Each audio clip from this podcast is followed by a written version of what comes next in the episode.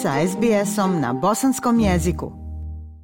Aisha, lijep pozdrav tebi i slušateljima SBS radija i na samom početku želim muslimanima čestitati Ramazanski Bajram, Bajram šerif Mubarek Olsun.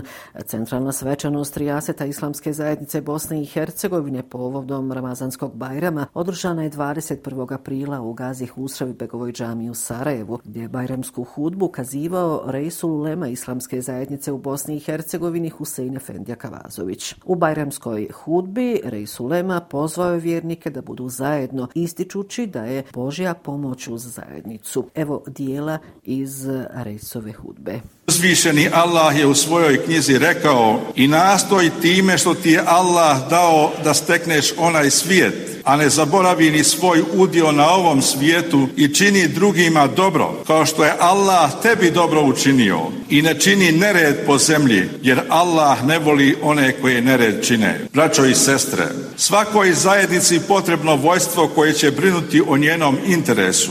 Onaj koji dopušta da mu drugi kuću uređuju, ostaće dugo po stegom tog drugog. Trebamo nadvladati tu jetimsku logiku u našim javnim poslovima da nam stranci kuću uređuju. Trebamo kao odrasti ljudi početi brinuti o sebi. Dragi Bog nas savjetuje, o vjernici, brinite se o sebi ako ste na pravom putu. Molimo Boga da zbliži naša srca i pomogne nam da povratimo dijalog i povjerenje u našoj zajednici.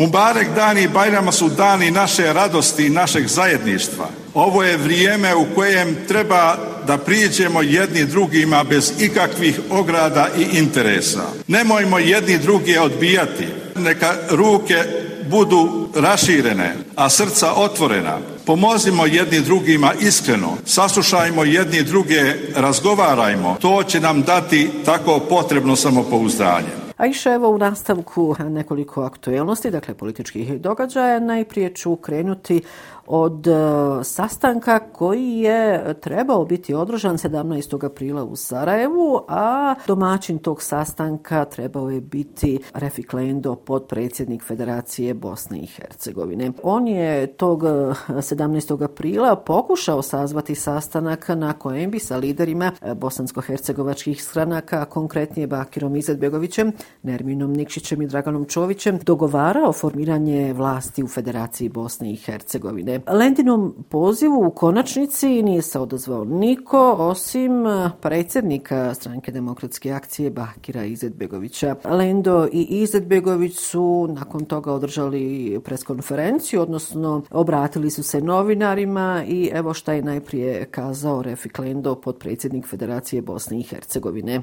Gospodin Čović je odgovorio preko sredstava informisanja da on nema šta sa mnom razgovarati kao predstavnik u Bošnjaka. I ja, evo, ne znam zaista kako on misli ko će da predstavlja Bošnjake, hoće li Lidija ili Igor. Gospodin Nikšić je također meni poslao neki odgovor da ja navodno nisam i nemam ustavnu nadležnost da sazivam sastanak jedan. Ja nisam tražio sastanak gospodina Čovića i Nikšića da razgovara sa podpredsjednikom, nego sam inicirao sastanak gospodina Izetbegovića, Čovića i Nikšića zajedno sama da razgovaraju. Nažalost, oni se nisu odazvali, jednostavno negirajući sva ova naša nastojanja da, da dođe do razgovora pa da vidimo kako i na koji način se dogovoriti ili se ne dogovoriti. I dobio sam pismo od gospođe Lidije da ona također ne želi da dolazi, da ona ne želi više da razgovara iz razloga što ona smatra da je završila svoj dio posla. Novinarima se obratio i predsjednik SDA Bakir Izetbegović. Mi bi danas ponudili rješenja na liniji većine u predstavničkom domu. Dakle, naravno to ne bi bio spisak ministara koji su bez gospodina Lende definisao. Tražili bi da se radi ili koncentracijska vlada, dakle da svi u tome učestvujemo i bošnjački do predsjedavajući, gospodin Lendo, ili pak da napravimo dvije liste. Jednu SDA i stranke okupljene oko nje, drugu evo trojka i stranke HDZ i stranke okupljene oko njih. Pa ko dobije većinu u predstavničkom domu, ne, ne, ne, neka formira vladu. Nisu došli, nisu udostojili ne da to sasluša. E, generalno iša mogu reći da su tokom protekle sedmice vođeni određeni stranački razgovori upravo oko formiranja vlasti u Federaciji Bosne i Hercegovine. 18. aprila u zgradi parlamentarne skupštine Bosne i Hercegovine u Sarajevu održan održan je sastanak predstavnika Hrvatske demokratske zajednice Bosne i Hercegovine i stranaka Osmorke u vezi sa formiranjem nove vlade Federacije Bosne i Hercegovine. Sastanku su prisustovali predsjednica Federacije Bosne i Hercegovine Lidija Bradara, predsjednici Naroda i pravde Almedin Konaković, naše stranke Edin, Edin Forto, HDZ-a Dragan Čović te predstavnici Socialdemokratske Socijaldemokratske partije Bosne i Hercegovine. Okupljenim novinarima rečeno je da je to radni sastanak, a učesnici nisu davali izjave za medije. Paralelno se održavao i sastanak u zgradi visokog eh, predstavnika Međunarodne zajednice u Bosni i Hercegovini, a prisustovali su predstavnici NESA i stranke za BiH. Inače, svi ovi sastanci tokom protekle sednice održavaju se, odnosno dešavaju se pred, rekla bih, očekivanu odluku visokog predstavnika Međunarodne zajednice u Bosni i Hercegovini Kristijana Šmita, koji je na neki način nedavno, odnosno prilikom svog obraćanja ovdašnjoj javnosti, najavio da će reagovati ukoliko se ne postigne dogovor o formiranju nove vlade Federacije Bosne i Hercegovine. S obzirom iša na to da je očigledno da se stranke nisu uspjele dogovoriti, Ipak se uskoro očekuje da Schmidt e, iznese svoju odluku. Naime, svi ovdašnji zvaničnici i političari smatraju da bi to ipak trebalo da se desi nakon Ramazanskog bajrama. Zapravo svi već govore da je na pomolu nova politička kriza u Bosni i Hercegovini. Naime, haos na sjednici predstavničkog doma Parlamentarne skupštine Bosne i Hercegovine 19. aprila izazvala je upravo tog dana zajednička izjava koju su dva člana predsjedništva Bosne i Hercegovine, Željko Komšić i Denis Bečirović, te lideri probosanskih stranaka potpisali u vezi sa državnom imovinom, zbog čega su predstavnici iz Republike Srpske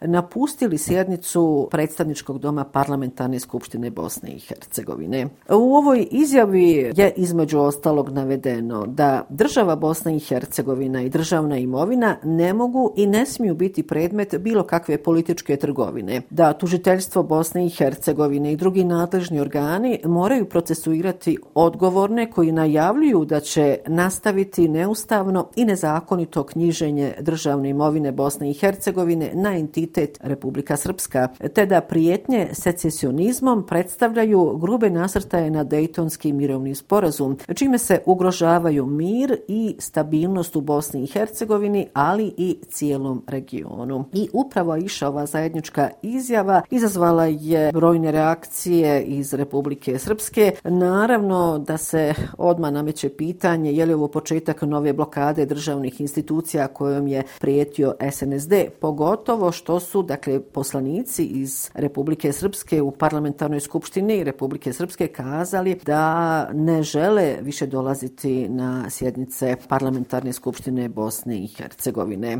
U Banjoj Luci je 21. aprila održani sastanak kojim su prisustovali predstavnici stranaka iz Republike Srpske, Izuzev, PDP-a i Liste za pravdu i red. Tema ovog sastanka je bila odgovor na zajedničku izjavu upravo političara iz Federacije Bosne i Hercegovine o državnoj imovini koju sam malo prije pominula. Milorad Dodik je nakon ovog sastanka kazao da će 24. aprila ponovo biti održan novi sastanak u Banjoj Luci na kojem će, kako je on rekao, zvanično biti potpisana zajednička izjava. Dodik je istakao da je ključno što partije iz Republike Srpske smatraju da je pitanje državne imovine riješeno. Prema njegovim riječima, Ustavni sud Bosne i Hercegovine djelovao je iznad Ustava Bosne i Hercegovine. Republika Srpska je odlučna da se državna imovina neće razmatrati na predstavničkom domu Parlamentarne skupštine Bosne i Hercegovine, jer bi to značilo da je pitanje imovine pitanje Bosne i Hercegovine, a to nije tako, kazao je predsjednik SNSD-a Milorad Dodik. I evo, za kraj još jedna informacija. Ministar sigurnosti Bosne i Hercegovine, Nenad Nešić, ovdašnjim medijima je kazao da nema migrantske krize u Bosni i Hercegovini, te da sigurnost nije narušena.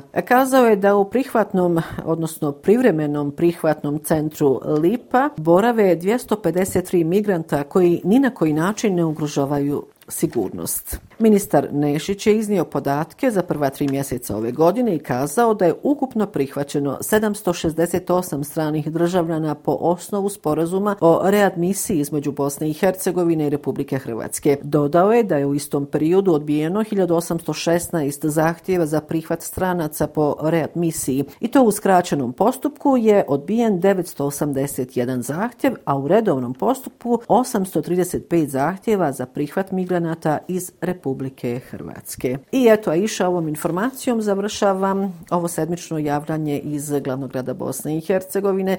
Još jednom vam lijepe pozdrave iz Sarajeva šalje Semra Duranović-Koso. Like, share, comment. Pratite SBS Bosnian na Facebooku.